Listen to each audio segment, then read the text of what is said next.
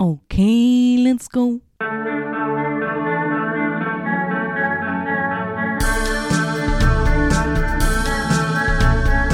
Nicolas Cage podcast. Nicolas Cage podcast. Na na na na. Vond je een film van Nicolas Cage leuk? Dan zou het kunnen dat hij in deze podcast zit. Nicolas Cage podcast. Na na na na. National Treasure. Hallo iedereen en welkom bij National Treasure, de podcast waarin ik, uw host Brandon Calui, iedere keer een film bespreek met Nicolas Cage. Nicolas Cage podcast. Mijn gast deze aflevering is Tetske Weijer. Tetske is vele dingen. Zo is ze cartoonist en maakt ze comics over aliens, haar kat Beppie en heeft ze zelfs een verbeterde versie van tarotkaarten gemaakt. Tetske is ook DJ en ja, ik heb al gedanst op haar vette beats. Het was niet om aan te zien, maar wel om aan te horen. Ze maakt ook nog radio met de Vette Pret Kunstshow en is Master of Education in Arts. Een klasse-act met vele talenten, een gezonde scheut aan humor en een liefde voor verticaal bewegen op muren en rotsen. Ik ben ongelooflijk blij dat ze tijd heeft gevonden om met mij te praten. Welcome to the Cage Stage, Tetske! Na na na na. National Treasure. Dingen doen! Ja, ik wil nu spelen. ja. Ik ken het, ik heb ook een kat, Magneto, de prins van Gent. En, Oh. en eh, die zit nu zo veilig aan Laurens bureau. Maar als die straks begint dingen te doen, ja, dan hebben we een extra gast. ja, oh ja. Nou ja, deze kan hier wel... Ja, nee, hij gaat gewoon de boel kapot maken. Kijk, ik heb hier schilderijtjes aan de muur. Gaat hij die eraf, eh, eraf duwen met zijn pootje? En, nou ja, goed. Duw, duw, duw. Ja, ik heb ook water. Mooi. Ik vet hem ook. Goed. Ja, dus dit was een, een verjaardagscadeau. Ik was op 2 juni jarig. En eh, een vriendin van mij, die ook op de podcast is geweest, Naomi, eh, die heeft... ehm allee, ik ben even de naam van de film kwijt. Ehm, maar zo, Nicolas Cage, dat dan op een eiland zit. En je kent die meme misschien wel van Not the bees, not the bees, ah! ja, ja. die film hebben we besproken. En ze heeft dan van de meme van Unbearable eh, Weight of Massive Talent zo Nicolas Cage gemaakt, die dan zegt van... Wacht, je hebt een podcast gemaakt over mij. En dan mijn gezicht met volle baard.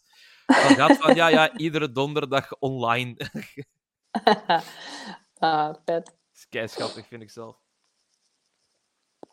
Nou, we hebben het vandaag natuurlijk weer over de hero himself, Nicolas Cage. Eh kei fijn trouwens dat je dit wilt doen. Zalig. Geen probleem. Mijn eh, eerste vraag aan u is: ben jij een filmfan? Ja, ik, dan moet ik even nadenken over hoe ik het ga formuleren. Ik denk dat ik meer een muziekfan ben, Ja, absoluut. Maar ik hou van goede films en ik vind zelf dat ik een hele goede smaak heb. En dat ik dus, maar dat is gewoon meer mijn ehm, eh, cultureel onderlegde achtergrond. Ik hoor dat jij een master kunsteducatie hebt gedaan. Ja, ja ik weet niet, ik, ik moet ineens denken aan het, eh, er is een Instagram-account dat heet VPRO Flower Boy. In Nederland heb je de VPRO. Ja, en dat is ja. een soort culturele omroep, hè? En die Ja, ik ken het, ja. kinderprogramma's. En je hebt dus kinderen die vroeger niet naar de gewone kinderprogramma's mochten kijken, maar alleen naar de VPRO. Of dus inderdaad naar Catnet, dat mocht dan ook nog wel. Vlaamse tv werd, eh, wordt in Nederland beschouwd als goede televisie. Oh, Ja. Christ. Oh, oh, Christ. Ja, maar alles wat hier de omroep haalt, is in België al als goed, als goed eh, ehm, eh, bestempeld. Snap je? Dus ik denk dat Ja. daarom, eh, kijk, dus die, die selectie is er al geweest. En dan komt het bij ons op tv en dan zegt kijk jongens, dit is goede kindertelevisie, Catnet. De Ja. boomhut en zo, Ja, ja, Elias Boomit, ja, Samson, Ja. Visie en Woppie. uiteraard. Ja. Eh, dus wat was ik aan het vertellen? Ja, ik denk dat ik zo'n eh, zo'n kind ben. Dus alleen maar... Zo'n zo'n VPRO-kind.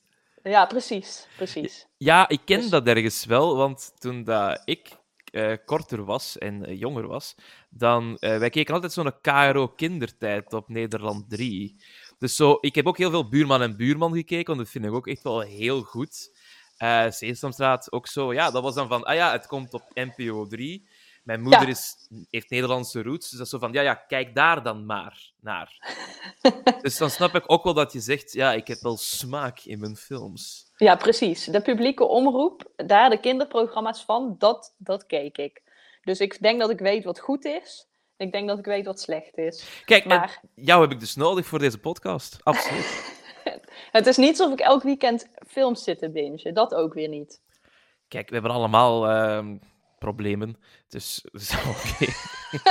oh, dat vind je problematisch. hoor. Nee, ik, ik, dat, dat is bij mij het probleem. Dat ik ga van, Oh, oeh, nieuwe film. Oké, we gaan dit weekend even ons best doen. Dat mijn Ja. partner daar zit. Ik wil gewoon eten en een keer babbelen of zo. Nee, nee, film. Li, li, li, li, li. Tja, dat, eh, Tja. dat heb ik met die van mij ook, maar dan eh, met andere dingen. Tja, zo is het maar. Eh, en, en mag ik dan zeggen, of mag ik dan vragen, in jouw rijke eh, VPRO-smaak. ik vind het geweldig, hè?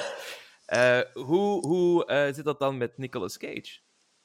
Nou, Nicolas Cage, die eh, beschouw ik eigenlijk als, eh, zeg maar, als je, als je hoog cultureel hebt en laag cultureel, zit Nicolas Cage in laag In cultureel. laagcultureel. En, en mag ik vragen, waarom zit hij daar dan?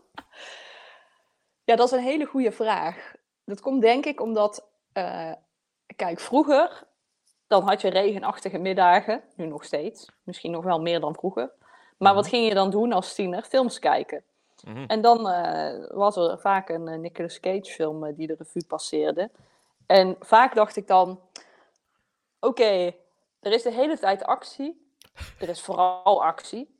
Volgens mij is deze film op mannen gericht. Dat ben ik niet. Het kan zijn dat ik het daarom misschien wel vermakelijk, maar niet dat ik dacht, Wauw. wauw, ik, ik voel me echt helemaal fantastisch. Dus kijk, waarom je me gevraagd hebt voor deze podcast vind ik heel interessant. Maar als master kunsteducatie moet je altijd ook wagen aan, aan dingen die je misschien op het eerste gezicht minder kan waarderen.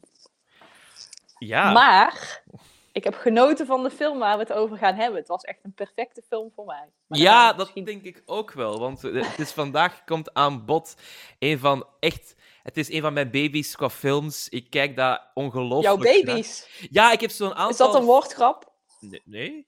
maar deze- het zou wel kunnen. maar die euro viel heel laat. Eh, maar ik, ja, ik heb zo'n nestje aan Cage-films van zeg, ah ja, maar als ik me zo wat, wat minder voel, dan leg ik dat op. Zo, eh, ik vind Wild at Heart vind ik daar ook eentje van, omdat dat gewoon een kei zotte rit is. Eh Con Air vind ik gewoon heel grappig, omwille van... Het zijn gevangenen op een vliegtuig, dat klopt niet. Ehm, ik, vind dat, ik vind dat raar, maar ik vind dat tof. Ehm, maar Raising Arizona is er ook zo eentje. Dat ze van, ah ja... En gewoon die eerste tien minuten is zot. Ja, Raising Arizona. Nu, voor de mensen die deze film nog niet gezien hebben, want het is Nicolas Cage en het zijn meer dan 110 films op dit moment. Eh, even kort ga ik schetsen waar dat die film over gaat. En dat is best funny al op zich, vind ik. Je hebt H.I. McDonough, oftewel High, gespeeld door Nicolas Cage. En die komt heel de tijd in de gevangenis te zitten omdat hij dezelfde nachtwinkels overvalt. Heel de tijd. En daar ontmoet hij Ed, oftewel Edwina, eh, gespeeld door fantastische Holly Hunter. Die zo die foto's moet pakken als je zo met dat bordje staat van daar is mijn naam en ik moet het profielje pakken. Dat doet zij. Nu, na drie keer in de gevangenis te komen, zegt hij tegen Ed: Ik zie u doodgraag, trouw met mij. Die doen dat, goed huwelijk. Zij wil op een gegeven moment een kind, maar eh, dat kan niet, eh, ze is onvruchtbaar. En dus lezen ze in de krant: Ah ja, er is een koppel en die heeft een vijfling. Wat als we een van die baby's stelen? Raising Arizona. Ja, ik was, eh, ik was blij verrast eh, door het begin alleen al eh, van de film. Ik had hem gekeken samen met mijn vriend. Ik zei, we moeten even deze film kijken. Mhm. Het is een opdracht. En het, het begindeuntje, dat, dat zit nu nog in mijn hoofd. Is dat die nou... Wee! Ja, ja je hebt een banjo. Nou, dit- Ja, dit, dit is... Ja, luchtbanjo speel ik Ja. dan. Tokkel, tokkel, Nou. tokkel. Toevallig eh, eh, speel ik dat ook. Dus ik Oh, voelde shit. me meteen aangesproken. Jij denkt al van, ik zit er nu al in. Ja, ja en, en ik ben dol op woestijnthema. Ik vind het Ah. fantastisch. Ik ben dol op, op die, die scenery met die ondergaande zon en dan dat gekke banjo-lied. En dan die twee hoofdpersonages die su- super... Nou ja, ik weet niet wat voor accent het is. Iets zuidelijks.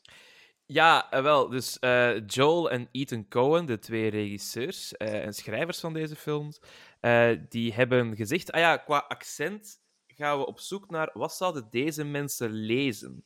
Ja, Dus ze hebben de Bijbel gepakt, een aantal lokale boekjes en magazines en zo. Oké, ja, dit is dan het taaltje waarschijnlijk. Oké, dat geven we in de film en aan de acteurs, wat dat fucking hilarisch is. Ja, dat las ik inderdaad ook eh, toen ik wat achtergrondinformatie over de film eh, zocht. En eh, ik vond het, wat ik daar vet aan vond, is dat de Coen Brothers tot in de puntjes hun personages hebben uitgedacht. Ja. Ehm, ik vind sowieso, ik ben, The Big Lebowski is een van mijn favoriete films. Geniaal goed. En dat is ook een van de redenen dat ik deze film gekozen heb. omdat ik benieuwd was wat ik terug eh, vond in de Coen Brothers eh, stijlkeuzes in deze film. En wat, wat, vind je de vergelijkingen dan tussen eh, Big Lebowski en Raising Arizona? Nou, het is een soort. ehm, eh, in de Big Lebowski heb je ook een beetje die soort van country muziek. En dat, je hebt dat Tumbling Tumbleweed nummer. Kun je Mhm. dat eh, voor de geest halen? Nee, dat, dat- zit ietsje te ver. Ik weet wat je bedoelt, maar ik kan het nu niet zo plokken, plokkie, plokkie met mijn luchtbanjo spelen. Dat gaat niet. Nou, het, als je, dat- voor de luisteraars, als je dat nummer luistert, dan, dan blijft het net zo in je hoofd hangen als, eh, als het, de begintune van, eh, van Racing Arizona. Het is echt zo'n typisch liedje, eh, wat in de film ook terugkomt continu. En wat echt een soort van, ja, ook, ook een woestijnstadje, denk ik. Een, een plek waar Ja. verder niet zoveel gebeurt, waar het warm is. Waar je ook de ruimte hebt om petty crimes te plegen. Het is niet erg als je een keer je pistool trekt. Er zitten geen consequenties aan. Ja, dat kan ik op zich wel waarderen. Dat, eh, nou, dat denk ik ook typisch Amerikaanse films. Kom je in Europa niet meer weg. Goh, we, je hebt in België wel zo, als ik denk aan western, je hebt wel ehm allee, de Broken Circle Breakdown. Dat is wat het enige dat, wat, dat wij hebben dat iets moet lijken op een western. En dat is omdat die een kerel zot is van Amerika, denkt dat hij een cowboy is. Ja, en Bobbejaanland natuurlijk. Nee, ja, oh. ja, ah, wel, als, Bo als Bobby Jaanland het Wild West is van Vlaanderen, dan weet dat genoeg, hè. Ik ben een cowboy. Ja, ja, ja, ja, ja, ja. Goed. En jij een tree betaald, manneken. nou, exact. Wat wil je nog meer? Ja, ja, eh, pang pang, hè. Ehm, nu, het grappige vind ik, als we het hebben over de Coen Brothers, dit is maar hun, hun tweede film. Ze hebben hiervoor nog Blood Simple gemaakt. En dat is zoiets van, ah ja, Blood Simple was, was wat gritty en wat darker. We willen iets totaal anders maken deze keer. We willen iets optimistisch, iets upbeat, iets blij maken. Raising Arizona hebben ze dan gemaakt. En eh, het, het, het centrale conflict van deze film start bij High, wat ik ook zegt, hè, die personages zijn keigoed uitgedacht. Namelijk, bij High is het... Hij wil een normaal leven leiden binnen de wettelijke grenzen van de samenleving. En dat is problematisch genoeg. Want het moment dat hij dan dat kind heeft en de druk begint te voelen, zijn eerste reactie is: we gaan nog een keer een eh, nachtwinkel overvallen. En de gekste chase scene ooit beginnen inzetten. Ja, hij, eh, hij kan het gewoon niet laten, hè? Het is gewoon zijn instinct is gewoon om, eh, om kleine overvalletjes te plegen. Ja, absoluut. Het is... En steeds ook weer... Allee, ze zeggen het ook in de film. Opeens zegt John Goodman van ja, we gaan een bank overvallen. Ik weet dat jij heel liever supermarkten hebt, dat is je ding, maar weet je, er zit meer geld in een bank. En je ziet dan Cage zo denken van ja, je hebt gelijk, maar... Ja, en dan komen ze later terug in de bank en dan ligt iedereen nog steeds op de grond. Ja, dat vind ik een hila- iets hilarisch aan die film. Dat die twee overvallers Eh, even de namen erbij pakken. Het zijn Gail Snoods en Evel Snoods, eh, gespeeld door John Goodman en William Forsythe. Die dan eh, gaan van tel tot 827, heen en terug. En wij komen terug, hè? Ja. Of misschien niet, hè? ja, oh ja, dat, is, eh, dat is het tankstation. Ja, Wacht er, zitten, wacht, er zitten drie overvallen in. Ik moet even terugdenken, hè, want ik heb hem een week geleden gekeken. er Ehm, zitten, je hebt sowieso de overvallen in die 10 minuten. Dan heb je de tankstation wordt overvallen. Je hebt dan eh, het, de nachtwinkel die wordt overvallen met de chase scene.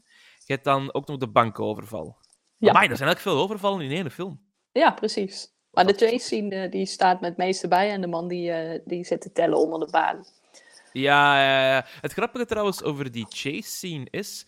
Cole en Ethan hadden zo tijdens het maken van de film gezegd... Ah, we willen eigenlijk zoveel mogelijk soorten shots kunnen hebben. Wat als we een camera geven aan Cage, dat hij dat op zijn gezicht zet en dat hij zo loopt in, eh, in, de, in de scène. Dus die gaven die een camera op zijn gezicht, ren maar. Hè, dus die loopt heel de tijd met dat ding in zijn pollen. Eh, ze zeggen, oké, we bekijken de beelden. En ze vonden het allebei, ja, toch net wat te vreemd. Dus knip. Dus er zijn wel grenzen Ja, voor de Coen Brothers. er zijn grenzen inderdaad, maar die stellen ze heel duidelijk, vind ik. Bijvoorbeeld, een van die grenzen in deze film is: alle personages moeten sympathiek zijn.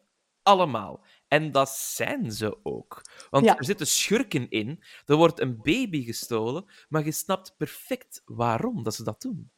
Ja, en de enige niet sympathieke persoon, Mhm. ik bedoel, de motorrijder. Ja, Len- eh, Leonard Smalls. Oh ja, Smalls. Die is niet sympathiek. Oh, ik heb, ik heb dat nog een keer herbekeken gisteren. En eh, opeens kwam het beeld in mij op. Heb jij ooit de eerste SpongeBob-film gezien? Ikke, Ja.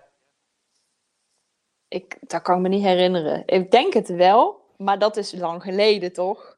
Dat is, ja, dat is denk ik 2002 of zo, snap je? Dat is way Ja. back. Maar daar zit, er zit een personage in. Dus eh, Plankton huurt zo eh, Dennis in met een grote snor en een motor. Dat die achter SpongeBob en Patrick aan moeten.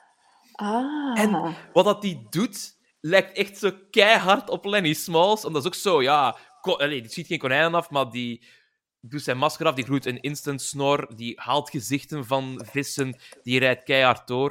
Die heeft nog net niet de tattoo My Mom Didn't Love Me. Maar het zou perfect passen. Dus ik had zoiets van... Ah, SpongeBob heeft dat gepikt van Raising Arizona. Tuurlijk. Dat, dat zal het zijn. En, en ik, ik had nog een andere eh, verwijzing, een onmogelijke verwijzing naar een film. Shoot. Maar als die twee vrienden van, eh, van eh High, die trouwens Herbert heet. Ja, ja, ja, ja.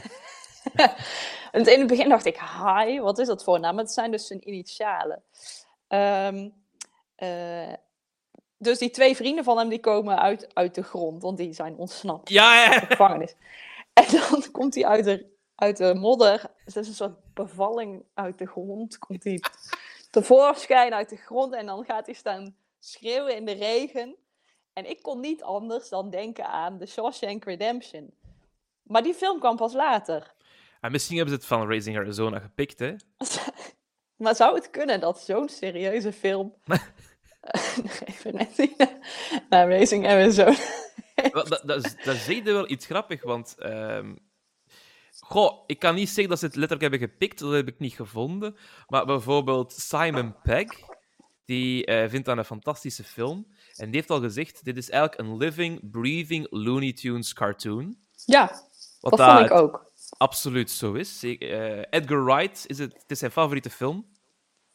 Eh, Spike Lee zegt, dit is een film dat je moet gezien hebben. Mhm. En Matthew McConaughey zegt: De film die ik het meeste heb gezien ooit is Raising Arizona. Dus ik geloof wel dat, er heel veel, dat die film heel veel invloeden heeft gehad op andere media. Ja, ik, denk dat, ik denk dat Matthew McConaughey de enige is die zonder problemen de hele film kan verstaan. Alright, alright. Zonder alright. ondertiteling. Now, shit Nee. here, there. You got, you got something there. You got something. Ja, maar even serieus. In het begin was het alleen maar dat, dat gepingel van die banjo en dan... Ha, meh, meh, meh, meh, meh, meh, meh. En ik dacht echt, ah, wat gebeurt hier? Want op YouTube, waar ik de film gehuurd heb, Voor 3 Was- euro. was geen ondertiteling. Ah, ja. en ik, eh, ik dacht, wow. Ik bedoel, ik heb zelf ook een zuidelijk, zuidelijk Nederlands ja, accent. ja, Nederlands, Mensen in ja. Den Haag denken dat ik uit België kom. Gecondoleerd. Nou ja, maar goed, kom op, zo erg, eh, zo erg. Nee, grapje. Ik hoor duizend keer liever Vlaams dan Amsterdams of zo. Ja, of dat. Rotterdams vind ik verschrikkelijk ook. Ja, Rotterdams is, ja goed. Hè? Dat is anders, maar ik snap je. Maar ja, het eh, is goed, anders, inderdaad. zuidelijke accenten zijn zangeriger, zachter. Ik weet niet, eh, hè? Ja, Poëtisch. poëtisch. Ik bedoel, de bakermat van de, Nederla- van de cultuur van de lage landen ligt toch hier. Maar goed. Maakt allemaal niet uit. Wat was ik aan het vertellen? Matthew McConaughey. Ja, Zuidelijk. zuidelijke accent en je hebt hem gehuurd op. YouTube. Ja, precies. Dus, dus wij wilden heel graag ondertiteling, maar die was er niet. Dus wij moesten echt even, even omschakelen. Ja, wel, want ik heb hem met ondertiteling gekeken. Ik, eh, ik heb een hele goede bibliotheek bij mij in de buurt met dvd's. Dus ik ga heel vaak gewoon dat doen. Leuk. Eh, ja, en ik, ja, dat zeg ik dat, ofwel in de PlayStation of in de Xbox of zo, weet ik veel. Ehm, dus ik heb hem gezien met ondertiteling en dan valt het reuze goed mee om alles te verstaan. Maar anders, dang, dang, dat ik hem zijn allemaal beter kijken het huur. ja, precies. Wat Ja. zeg je allemaal? Ehm, wel, Maar- ja, het, het scenario is wel goed geschreven. Het is in 3,5 maanden geschreven. Ehm, maar ze hebben er zo hard over nagedacht, over ieder woord, dat je het ook wel wilt verstaan, natuurlijk. Ja, en eh, eh, wat je net zei, dat het een eh, live-action Looney Tunes cartoon was, dat ben ik met je eens. Dat is ook wat me wel aansprak aan de hele film als comic, comics-artiest. Ja, Natuurlijk. want de, de, de personages zijn, het zijn er vrij weinig, denk ik. Maar ze zijn zo karakteristiek allemaal. Mhm. En ze zijn zo ook hoe ze eruit zien. Als je kijkt naar Nicolas Cage zelf met zijn zware wenkbrauwen. Ja, En zijn, eh, zijn, zijn eh blouseje en zijn... eh, ja, wat heeft hij aan? Een soort Hawaii blues-achtig iets. vaak heeft hij een Hawaii hemdje aan, ja. Opgerolde mouwen. Echt zo'n beetje jaren 50 eh, ehm, boefje, zeg maar. Ja, en, en het, het grappige daaraan is dat eh, Nicolas Cage had de keuze gemaakt voor dat haar. En dat is een van de weinige keuzes dat Cage heeft gemaakt die erdoor is gekomen. Namelijk het haar van eh HI toont hoeveel stress dat hij heeft. Hoe hoger het haar staat en hoe wilder het is, hoe meer stress dat hij heeft. Als dat plat ligt, is alles oké. Oh, wat grappig. Net als een kat. Ja, wel, eigenlijk wel, inderdaad. Eh, en dat, is, dat vind ik een hilarisch dingetje dat de Coen Brothers zeiden. Weet wat, het is goed, doe dat maar. Want Cage heeft heel veel ideeën gegeven aan eh, de Coen Brothers, maar die zeiden van, ja, sorry, nee, er ligt hier al gewoon een scenario klaar. Wilde jij dat gewoon doen? En Cage heeft daarop gezegd, ik heb het citaat hier. Joel and Ethan have a very strong vision, and I've learned how difficult it is to accept another artist's vision. They have an autocratic nature. Ja, we zitten ook bij jonge Cage, dus die is nog als een spons heel veel aan het leren, wat dat schoon is, vind ik hier. Ja, heeft hij vaker dat hij eh, ehm, ideeën inbrengt in een film of met een eh, eh, regisseur. Eh, Ja. want, want ik las ook dat het inderdaad best wel eh, moeilijk was met de Coen Brothers, omdat Cage blijkbaar inderdaad heel veel ideeën had. Ehm, Ja. Zeg maar, mijn, mijn, mijn idee over Nicolas Cage is ook veranderd aan, omdat ik meer heb geleerd en omdat ik het van een hele kan- andere kant heb gezien. Dat ik dacht, wow, misschien zit er meer in dan alleen maar actiescènes.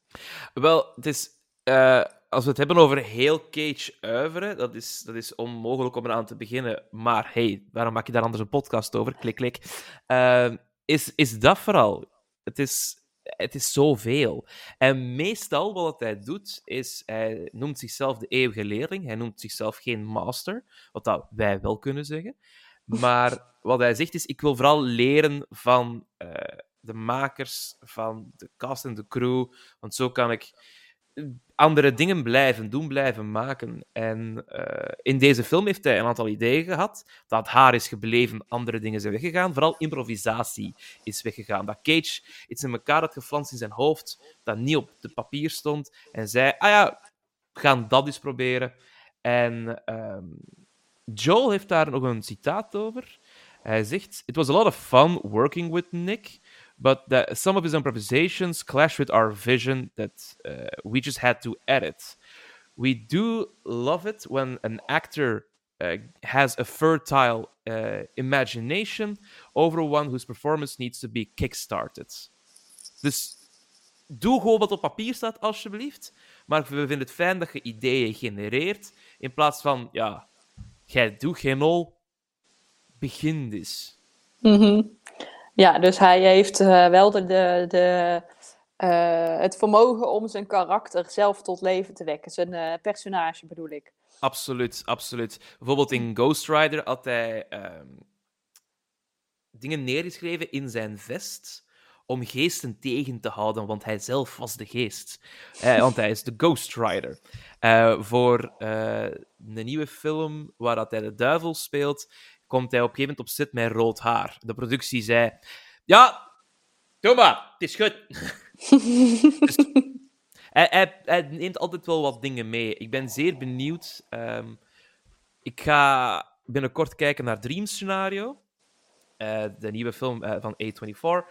Ik heb geen idee wat we te zien gaan krijgen. Het enige is, iedereen droomt over Nicolas Cage. En ik denk, moeten we daar een film over maken? Bij mij is dat gewoon maandag. Dus, fine. Nou, mooi. Wacht, ik ga eventjes... eh, ehm, hoe heet die nieuwe film van hem? De nieuws, de, die van A24, Ja, die heet Dream Scenario. wacht even hoor. Ik ben slecht op de hoogte, hè? Ah, is niet erg. Daarom is deze podcaster, om je op de hoogte te brengen. Oh, is hij nou een oude man? Eh, ja, zowel Hey, in de film als in tekst. Ja. Wow, ik, eh, ik vind deze eh, Meet the Man of Your Dreams.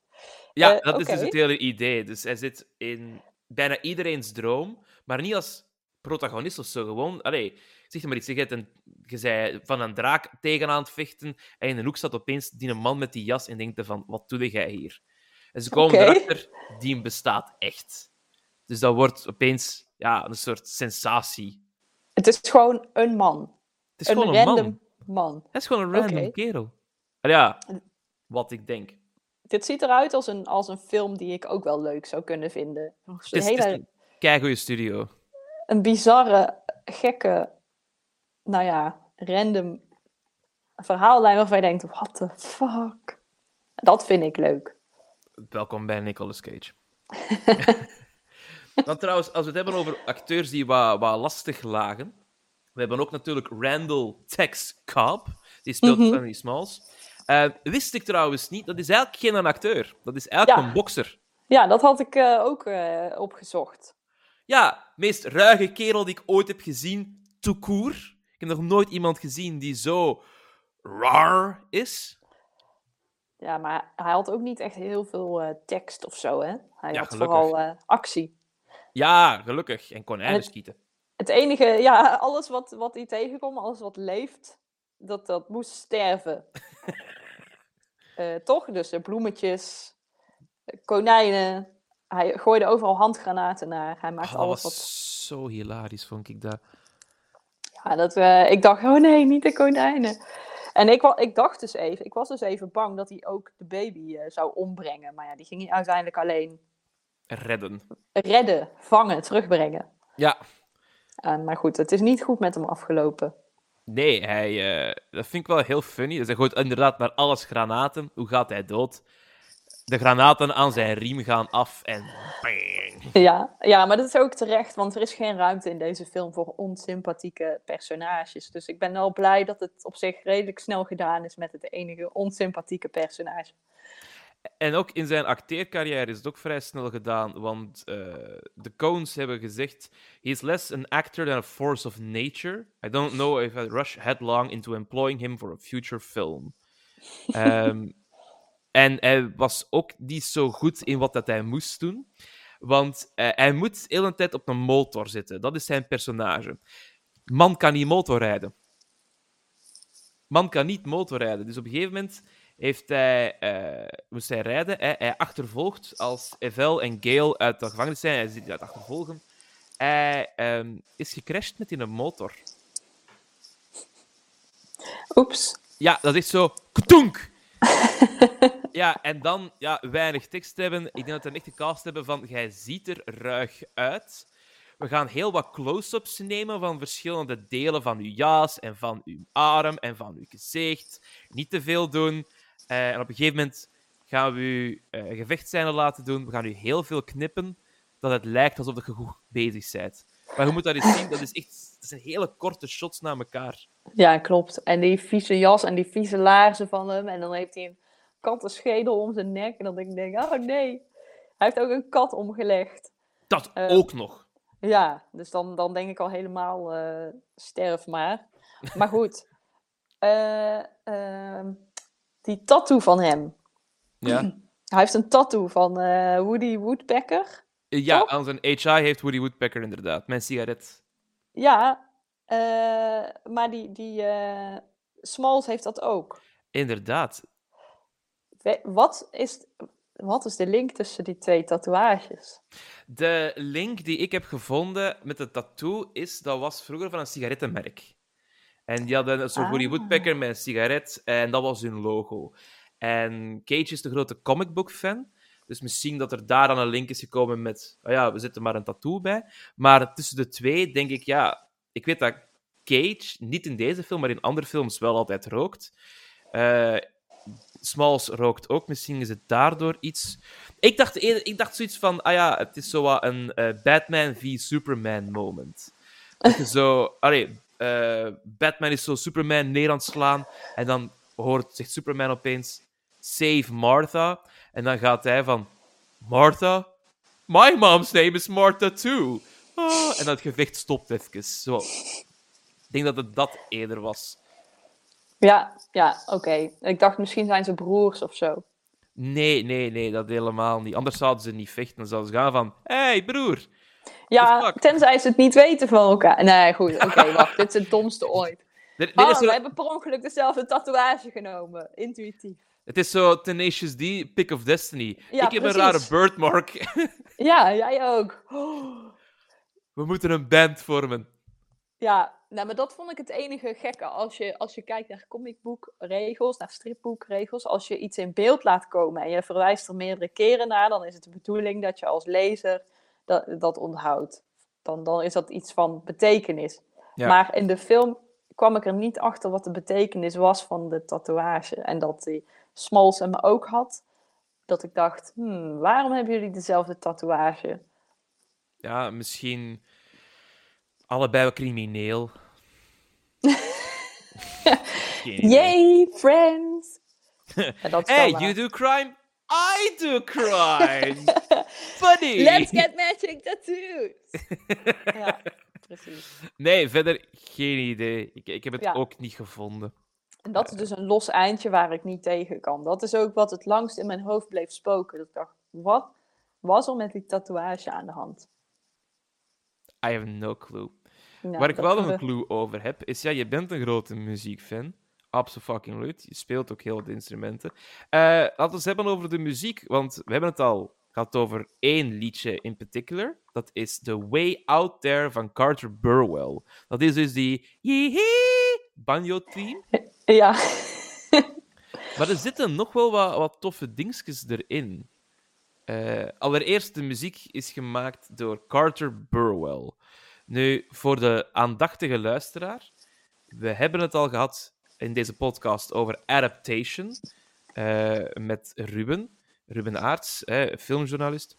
Eh, maar dezelfde man eh, zit dus hierin. Voor jou, Tetske, ik had, dat is ook de man die de Big Lebowski heeft gescoord. A Goofy Movie heeft hij ook gedaan, de eerste Goofy Movie.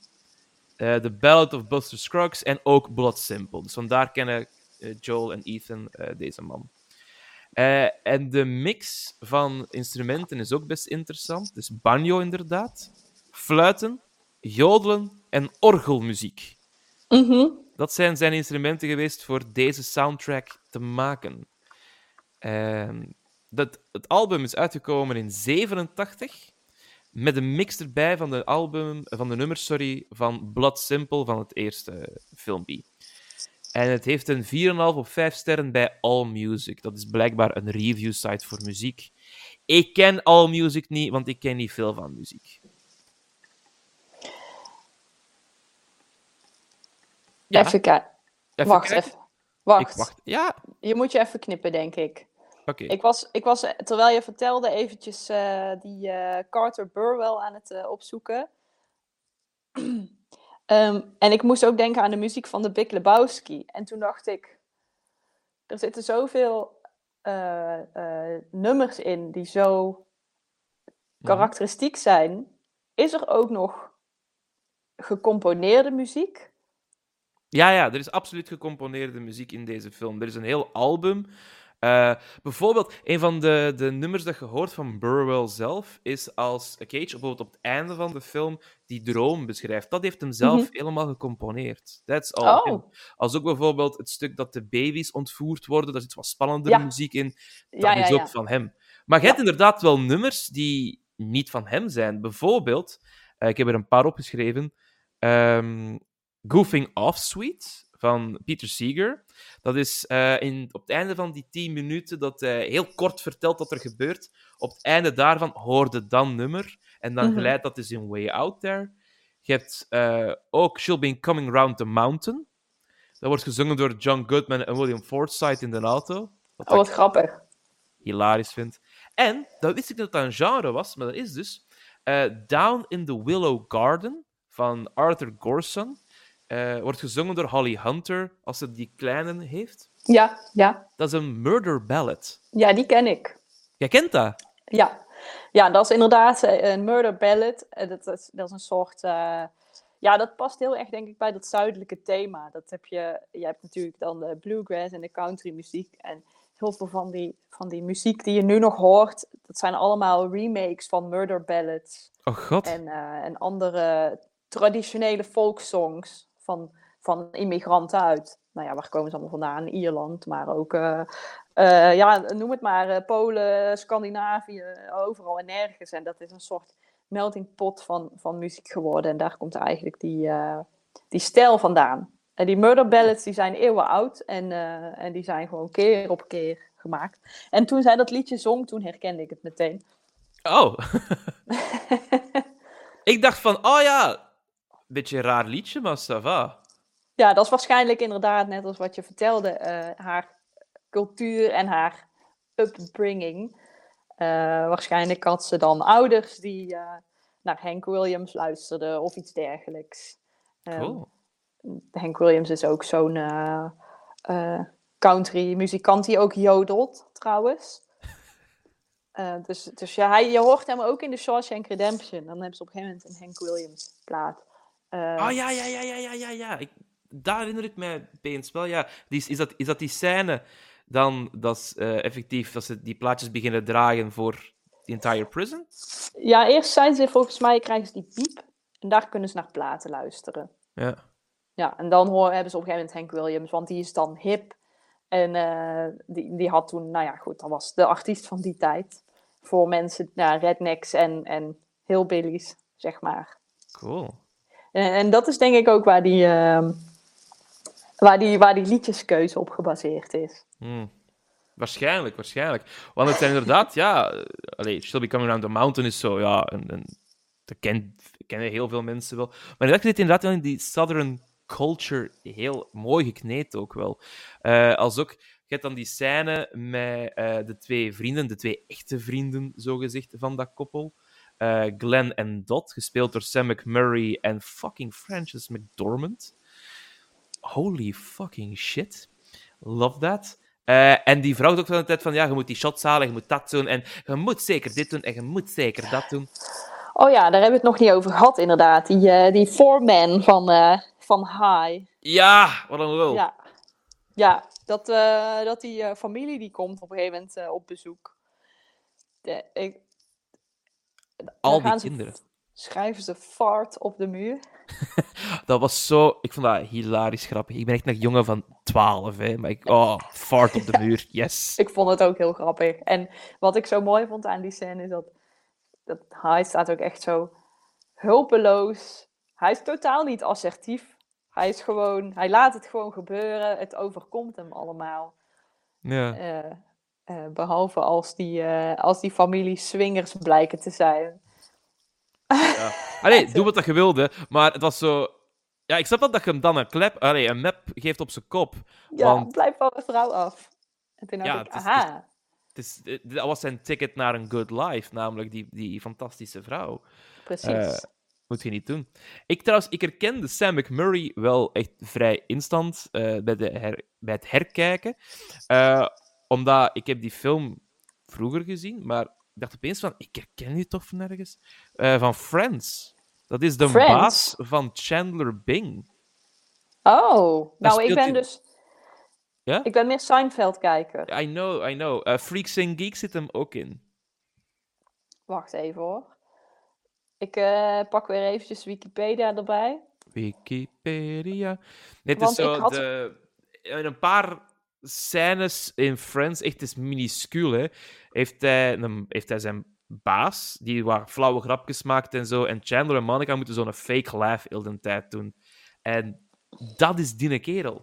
Want ik herkende... Allee, voor mij viel die een euro opeens van, "Eh, maar ik herken nu een fucking lelijke kop toch ergens van. En nu kon ik pas eindelijk het puntje bij het paaltje zetten, namelijk, jij zet die een fucker uit Friends. Ja, ik ehm, herkende hem ook wel, alleen ik denk dat ik hem dan ken van, eh, nou ja, of, ofwel Married with Children. Kei leuk ook. Ik heb daar niet, ik heb daar wat gekeken, maar niet veel gekeken. Ja, dat kwam vroeger op, eh, op eh, even kijken, was het, zal, zal het op Catnet worden uitgezonden? Nee, dat geloof ik voor geen fucking Het meter. kwam volgens mij wel op België. Het kwam wel op België, inderdaad. Dat absoluut, Misschien ja. na Catnet. Ah Catnet ja, maar bij jullie zal het dan anders geweest zijn. Dat je opeens zo ketnet was gedaan en opeens... Wat, wat, Ja, maar wat het is, kunnen we nog opzetten? steeds, het is nog steeds België, hè? Ja, het is inderdaad België, ja. Maar, maar vroeger eh, was het, eh, kon het allemaal nog en was het niet zo. eh, ik, ik denk niet dat ze het nu in de soort van kinder. hey kids, kijk het- hier naar. Ja, ik weet ook niet of het toen echt zo was. Het is totaal geen kinderserie. Nee, bij Married to Children, wat ik ervan weet, is ze wilden de anti-sitcom zijn. Want het gaat zo Family Ties en Cheers en eh, noem maar op. Zij wilden gewoon zeggen, fuck you, wij doen iets anders. Ja. Maar daar herken ik hem denk ik van. En ook maar Eh, vaagjes hoor. Ja, maar hij- het heeft zoveel shit gedaan ook. Die zijn IMDb is echt vol. Ja, echt bizar.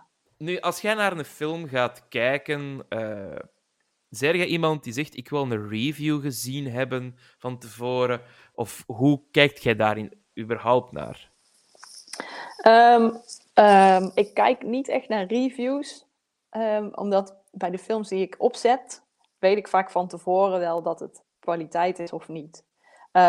Behalve als het bijvoorbeeld een horrorfilm is, Mhm. dan ga, kijk ik altijd naar reviews, omdat dan het is altijd hit or miss. Het is of heel goed of gewoon super slecht. En ja, ik ben sowieso geen enorme horrorfanaat, maar ik hou wel van lekker griezelen. Mhm. Dus ehm, dan kijk ik of de film heeft wat ik zoek voordat ik hem ga, ga kijken. Ehm, voor de rest ben ik dol op roadmovies Ja. en films die een beetje een bepaald sfeertje hebben. Nou, en deze die, eh, heb ik daar ook op uitgekozen. En ik heb dus geen, eh, geen review eh, ge- gelezen, want ik dacht ook van ja, ik moet hem nog gaan kijken. Ik moet hem sowieso kijken. Dus dan ga ik er liever zo bleu mogelijk in. Ja, dat snap ik. Ik ben, ik ben van, van, van principe hetzelfde. Ik wil zo min mogelijk zien. Ik, ik wil er zo Ja. blind mogelijk in, want dan worden verrast. Eh, ik weet nog, Precies. toen dat wij les kregen van Jan Schoolmeesters, dat hij zei, je moet altijd de auteur een keer opzoeken en wat heeft hij gedaan. En ik heb zoiets van, ja, bij, bij heel wat stukken voor een onderzoek, absoluut, dat je weet, is het mijn tijd waard, ja of nee? Bij theater, film of muziek, nee Nee, maximaal een trailer Want meestal denk ik dan van, oké, je hebt mij in vier seconden of je hebt mij niet in vier seconden. Ja, precies. Nu, voor Nou, ik heb, deze eh, film... Ja, sorry, jij eerst, jij eerst. Ik wou zeggen, ik heb exact hetzelfde, maar ga door. Nee, nee, dat is goed dat we die mening delen. Allebei, Jan Schoolmeesters, je hebt ons veel bijgeleerd, maar... Maar niet dat. Absoluut gemist. Eh, deze film is best interessant qua release, want hij heeft drie aparte release data gehad. Hij heeft er eentje gehad in New York op 6 maart 87. Dan een limited release op 13 maart in 87. En dan voor de hele United States of America op 17 april. Dus ze hebben zo steeds zo tease, tease, big loads. Oké, en waarom is dat? Eh, waarschijnlijk zal dat een deal geweest zijn met een distributeur van, ja, we gaan dat wat klein aanpakken en dan laten we dat wel wat groeien links en rechts. Want hij is bijvoorbeeld ook naar Cannes gegaan, deze film. Ja, Maar niet om een prijs te winnen. Gewoon van, we zijn hier ook. Eh, voor de echte nerds van, eh, die naar deze podcast luisteren, de winnaar van toen was Sous le soleil de Satan van Maurice Piala. nog nooit van gehoord. Ik ook niet. Maar dit is een nerd-podcast over film, dus ik zou het ook wel willen weten, maar... eh. Eh, de film heeft in totaal 29,2 miljoen dollar opgeleverd. Het budget was 5,5. Nou, netjes. Dat is winst, want je moet meestal zo'n truc doen, heb ik geleerd. Je moet eh, je budget maal 3 doen. Als je daarboven zit, dan maakt je winst. Dus, hey, goede film. En eh, Ethan zegt ook, dit is de laatste film die waarschijnlijk geld heeft opgeleverd. Want eh, het heeft een cultfollowing ook gekregen, deze film. The Big Lebowski ook. Maar eh, al hun andere films hebben aanzienlijk minder geld opgeleverd. Ja, ik denk wel dat de Big Lebowski de grootste was, mogelijk. Denk je Ja, niet? ik zit te denken aan Burnt After Reading, was toch ook echt, vond ik... Allee, die zal toch wel wat indruk hebben gemaakt, maar zo'n bijvoorbeeld Ballad of Buster Scruggs... Ja, dat Oh, die vond ik echt fantastisch ook. Ja, Dat vond ik echt een hele goede film. Maar dat was ook weer een soort eh drieluik, mhm. volgens mij. ja, het was een drieluikje inderdaad. Ja, maar vooral, Ja, het was ook heel funny, wederom. Wat dat ik heel goed vind. En het heeft ook weer dat, dat Looney Tunes gehalte. Zeker bij Buster zelf. ja dat Looney Tunes, eh, dat zit denk ik ook wel eh, in kleine mate in de, in de Big Lebowski. Ja, absoluut. absoluut. Stripboekachtigs, iets doms. Ehm, of ja, niet dom, het is eigenlijk heel slim. eh, maar Ja. het, is, het is gewoon een soort heel genuanceerde manier van humor. Die, eh, die, ja, die alleen door middel van film of, of boeken over te brengen is. Het is, eh, het is... Je weet dat het apart is en je weet dat het misschien een beetje gek is, maar daardoor krijg je wel eh, ja, iets heerlijks. Bijvoorbeeld het, het likken van de eh, bowlingbal, de hele Ja. droomscenario. Ehm, dat, dat gaat er niet zomaar tegenkomen. En dat vind ik de kracht van film. Namelijk, je creëert je eigen realiteit. Dat is wat Cage ook heel graag doet. Namelijk, ik wil mij nestelen in die realiteit.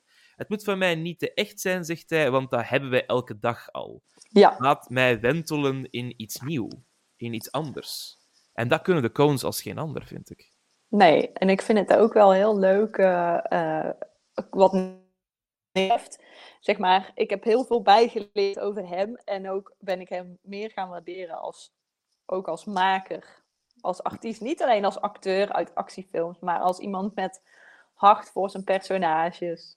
Die echt probeert om iets bij te zetten, iets extra's mee te brengen. Om toe Mhm. te voegen aan de, aan de veelzijdigheid van degene die die speelt. Het zal nog niet zijn.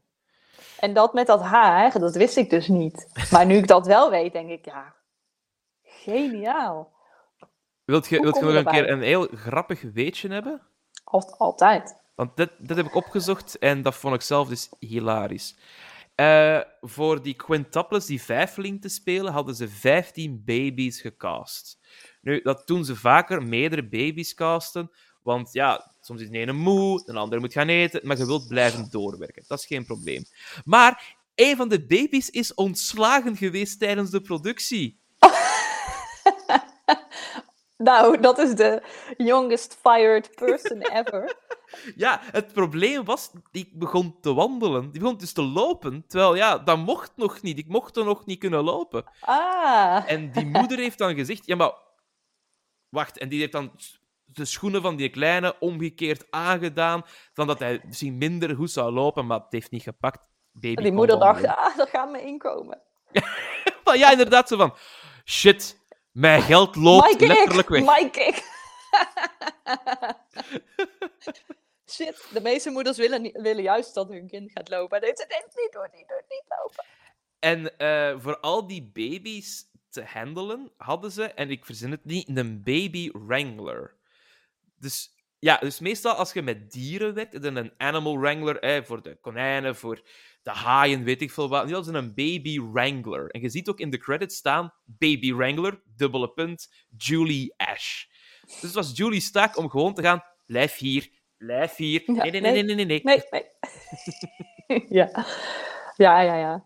Nou, er was geen, eh, geen tekort aan baby's eh, in de film. Nee, gelukkig niet. Ik Gelukkig had wat te doen met de ouders van de vijfling. En ik dacht ook bij mezelf, zouden ze het echt erg vinden dat er eentje weg is? Precies zoals de personages in de film ook dachten. Ik bedoel, het scheelt weer werk. Goh. Ja, eh, ik, denk, ik denk het wel als mens zijnde, als filmmaker. Oh, ja, of, maar ik dacht direct echt zo aan, aan eh, Apu uit The Simpsons. Die heeft dan een achteling. En in, in de reeks zegt hij heel vaak van ja, pak er anders eentje mee. ik denk van ja, financieel en voor je rust en zo. Ja, vijf kinderen in één keer. Allee, je zult ze allemaal graag zien, daar niet van, maar het is toch... Je gaat failliet. Ja, eh, tegen de bank zeggen, ja, sorry, ik trek dat hier niet. Hè. Eh, ik verklaar Ja. me failliet. ja. Nee, dat kan niet. Ja, maar ja, het toch doen. ja. Heb jij weet van de scores van deze film? Eh, ik heb een klein beetje gekeken en ik zag dat hij best wel hoog scoorde. Ah, wel, eh, ik heb hier ook een aantal scores staan. We zullen ze samen eens overlopen. Ik zal de, Mhm. de, de titel zeggen van een site of van een reviewer. En als je het weet, zeg het maar, anders gokt je. Mhm. Eh, we beginnen met de makkelijkste IMDb. Ja, dan moet ik even nadenken over het IMDb-publiek. Ik zou zeggen... Wacht, die gaan op, op, die gaan op sterren. eh Nee, dat is op 10. Doen we procenten? 10. Oké. Ja. Ehm, ik denk 7. Daar zit er bijna op. 7,3. Maar dat is kei goede score, inderdaad. Eh, op Rotten Tomatoes, je hebt eerst de critics en dan het publiek. Wat denk je dat de critics hebben gegeven? Volgens mij was die 85% of zoiets. Dat was het publiek. Dat zit er boek Oh. op bij het publiek. Eh, maar hebben de critics dan hoger of lager gescoord? Ik denk lager, of hoger bedoel ik. Volgens mij was, waren die hoger nog. Ja, absoluut. 90% Ja. op de freshness scale. Hey, ziet eens gaan. Eh Movie Meter vind ik ook altijd een hele grappige, omdat, mijn excuses, maar het is zo Nederlanderskijkenfilm.nl. Dus eh, wij geven ook scores, joh. Movie meter neem ik nooit zo serieus. Dan denk ik, Ik ja, precies om die reden. Nederlanders kijken film. Nederlanders zijn zeikmensen over het algemeen. Ik bedoel, ik mag het zeggen. Jij mag het zeggen. Wij zeuren graag. zeggen. Wij zeuren heel graag. En als er niks te zeuren valt, dan zoeken we wel iets om over te zeuren. Eh, dus Movie Meter, ik zou zeggen... Dat is op vijf sterren, is dat. ja, ik zou zeggen... Drie, drieënhalf. Ja! Eh, de 3.3, 3,5, je zit er eigenlijk op. Maar mijn favoriete reviewsite van allemaal, en vaste luisteraars van de podcast weten dat, bol.com heeft ook reviews natuurlijk. Ja, maar kom op, daar kijk je toch niet naar? Oh, jawel, ik heb er twee meegenomen. Absoluut. Eh Bol.com geeft het vijf sterren, deze film.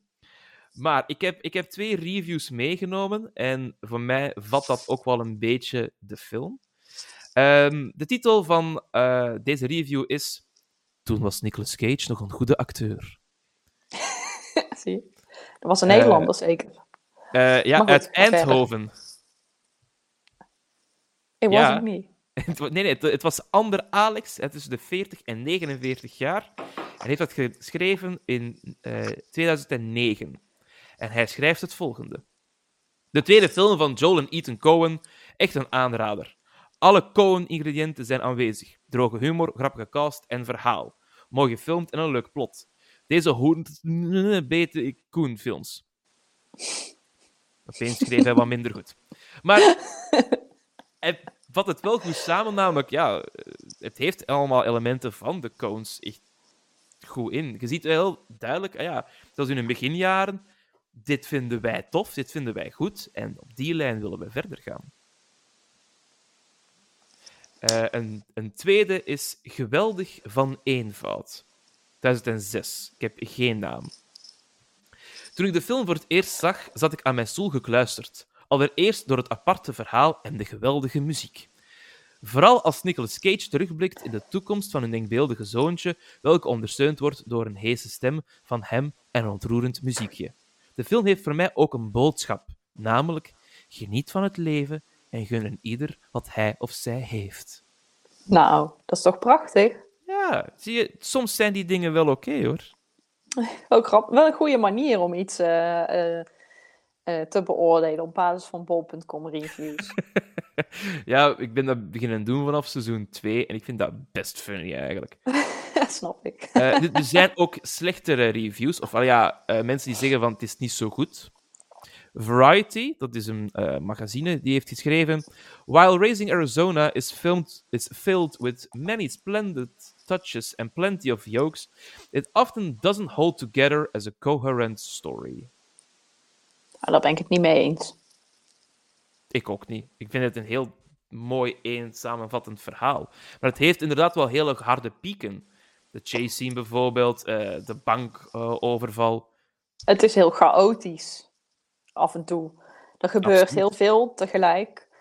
Uh, maar dat wil niet zeggen dat het geen coherent verhaal is. Vind ik. Nee, ben ik het ook mee eens. Ik vind het een heel coherent verhaal. En het, geeft, eh, het begint heel snel en dan neemt het wat tijd terug. Hè? Dus dat, die timing zit lekker in een cadans. Dat, dat, dat beweegt goed mee. Dat vind ik juist heel goed. Ja, dat vind ik ook. Ehm, Roger Ebert, die haal ik heel graag boven in deze podcast, want dat is uh, een kerel. Uh, die schreef vroeger voor de Chicago Sun-Times. En dat is zowat de Nicolas Cage Review Master. Helaas al overleden. Uh, hij zegt over deze film: It stretches out every moment for more than it's worth, until even the moments of inspiration seem forced. Since the basic idea of the movie is a good one, and there are talented people in the cast, what we have here is a film shut down by its own forced and mannered style. Negatieve oh, ja. review. Ik, ik, ik snap dat ergens wel. Dat je zegt van ja, het, is, het beukt wat tegen zijn eigen stijl en het is wat uitgerokken. Ik snap dat ergens wel, maar ik ben het er niet mee eens. Omdat het is juist het vasthouden van die stijl, waardoor dat je crazy ideeën krijgt, waardoor het juist die schoonheid en die funny krijgt. Ja, een soort uh, neerwaartse cirkel van absurdisme. Ja. Waar neerwaarts natuurlijk iets positiefs is. Absoluut, want het, het maakt het heel duidelijk voor ons, de kijker, dat elke actie die wordt ondernomen in deze film de fucking verkeerde is. Zelfs de politie erbij halen door uh, de vader van het kind is een verkeerde beslissing, want die agenten doen geen ruk. Ja. Ja, dat vind ik hilarisch goed. En uh, wat ik een interessant woord vind is, uh, hoe, hoe noemen ze het? Mannerisms? Ja, de mannered style. Manner, mannered style. Wat zouden ze daarmee bedoelen, denk je? Wel, dus deze film heeft een specifieke stijl. Hè. Het is heel hard funny, het is zeer hard gekut ook wel. Uh, in het begin heel snel en dan gaat het vertragen. Um, als ook uw shots zijn vrij lang voor die tijd. Uh, mm -hmm. En dan krijg je bijvoorbeeld die gevechtscène met um, Smalls, die dan weer heel snel tak tak tak tak is. Ja, als je die chase scene bekijkt, dat zijn lange, lange trokken met je camera, dan weer wat korter. Ik krijg daar zo'n een, um, ja, ik wil zeggen, een comic book gevoel van. Ja. In comics ook gewoon vaak grote tekeningen op de volledige bladzijde en dan kortere snippets. Oh ja. Wat dat je hier ook wel hebt. En dat is de stijl en ik vind dat goed werken, want wat de Coen Brothers daarin doen is laten zien dat dit is een andere soort realiteit. Ja. Dit is niet echt. Ja, nee, ik dacht dat het misschien meer betrekking had op de, op de personages die je zag. Um, en de Zou manier kunnen. waarop, uh, waarop nou ja, misschien een beetje overdreven wordt in de manier waarop ze zich uiten. Ja, dat hoort erbij. Hè? Dat, Ja. Je kunt niet het een neerzetten en het ander. Dan krijg je te veel tegenkracht, Ja. denk ik. En Ja, maar ik denk dat dat er, hoort heel erg, denk ik, bij de soort van comicboekstijl die de film heeft. Dan kun je niet, je kan niet gewone personages in een comicboekstijl film eh, stoppen waar achtervolgingen in zitten met honden die door het huis rijden en waar met piepende banden wordt omgedraaid om een pak luiers van de straat op te rapen. Die vergeet, hij ging alleen maar luiers kopen. Ja, hij ging Het alleen enige maar wat hij luiers kopen. wilde was luiers. het ging helemaal fout. maar het idee was goed. Is dat... Die, die, die film heeft eh, het best goed gedaan. Hè. Critics zijn ook best oké. Er zijn een paar negatieve stemmen. Maar een van de interessantste dingen dat ik gevonden heb, was... eh, blijkbaar bestaat er iets dat heet Vrij Nederland. Ik weet niet exact wat het is. Ja, een opinieblad. een opinieblad blijkbaar, die hebben een lijst gemaakt van de beste bankovervallen in de filmgeschiedenis. En in hun top 5 staat dus ook deze film Raising Arizona met de bankheist. Dus eh, dat vind ik wel heel grappig dat Nederland iets heeft van wij hebben een mening, dit vinden we ook leuk. ja, dat verbaast me wel van Vrij Nederland. Ja? Maar eh, ja, dat is best wel een serieus, eh, serieus tijdschrift. Voor, ehm, ja, ik weet even niet in welke politieke hoek het ook alweer zit. Maar je hebt iets meer links, je hebt iets meer rechts. Dat is dan niet echt, maar me- meer van, van oudsher, zeg maar. Eh, maar dat hij dus inderdaad bankovervallen reed, dat, eh, ja, dat valt me niet tegen van ze. Ja, nee, ja. Het zal misschien iemand zijn die dacht, zit op mijn bureautje, wat ga ik nou weer doen? Ah, Ja. films kijken met bankovervallen en daar een lijst heb- van maken. Ik heb een, eh, ik heb een deadline, ik moet wat. Even kijken hoor. Eh, oh ja, het was een verzetsplaatje oorspronkelijk. Ah, Nou, cool. daar, daar passen misschien bankovervallen wel bij. Wij zijn er tegen. Bankoverval. Hoppakee. Bitterbal. Weet ik veel. Bitterbal. Precies. Ik snap dat. Jij, ja, maar jij snapt dat soort dingen heel goed. Eh, wat ik trouwens nog een heel leuk weetje wil delen met jou. Eh, in het begin van de film heb je zo een, eh, een psycholoog van de gevangenis hè, met dat kringgesprek. Ehm, en die heeft een ketting aan. Eh, dat is het teken chai, Hebreeuws, wat betekent leven. Nu, ik spreek het verkeerd uit. Het is niet eigenlijk chai, het is hi. En dan komen we terug eigenlijk bij de character, HI, oftewel hi. Dus het ding dat die kerel heeft, kan eigenlijk een verwijzing zijn naar het hoofdpersonage. Hoofdpersonage, wauw. Ik had geen idee. Maar die ketting, die, die viel me wel op. Ehm, Ja. en, en die was wel blijven hangen. En ik dacht, ook, ik dacht daar ook wel wat van. Maar het was niet zo blijven hangen als die tattoo. Ja, nee, dat snap ik, dat snap ik. Maar het was ook wel weer zo'n element dat prominent in beeld kwam, waar je dus als kijker iets mee moet in principe. Eh, een, een element dat niet in beeld kwam, bijvoorbeeld, was eh, een andere acteur. Want Nicolas Cage was niet de eerste of de enige acteur die voor deze rol auditie heeft gedaan.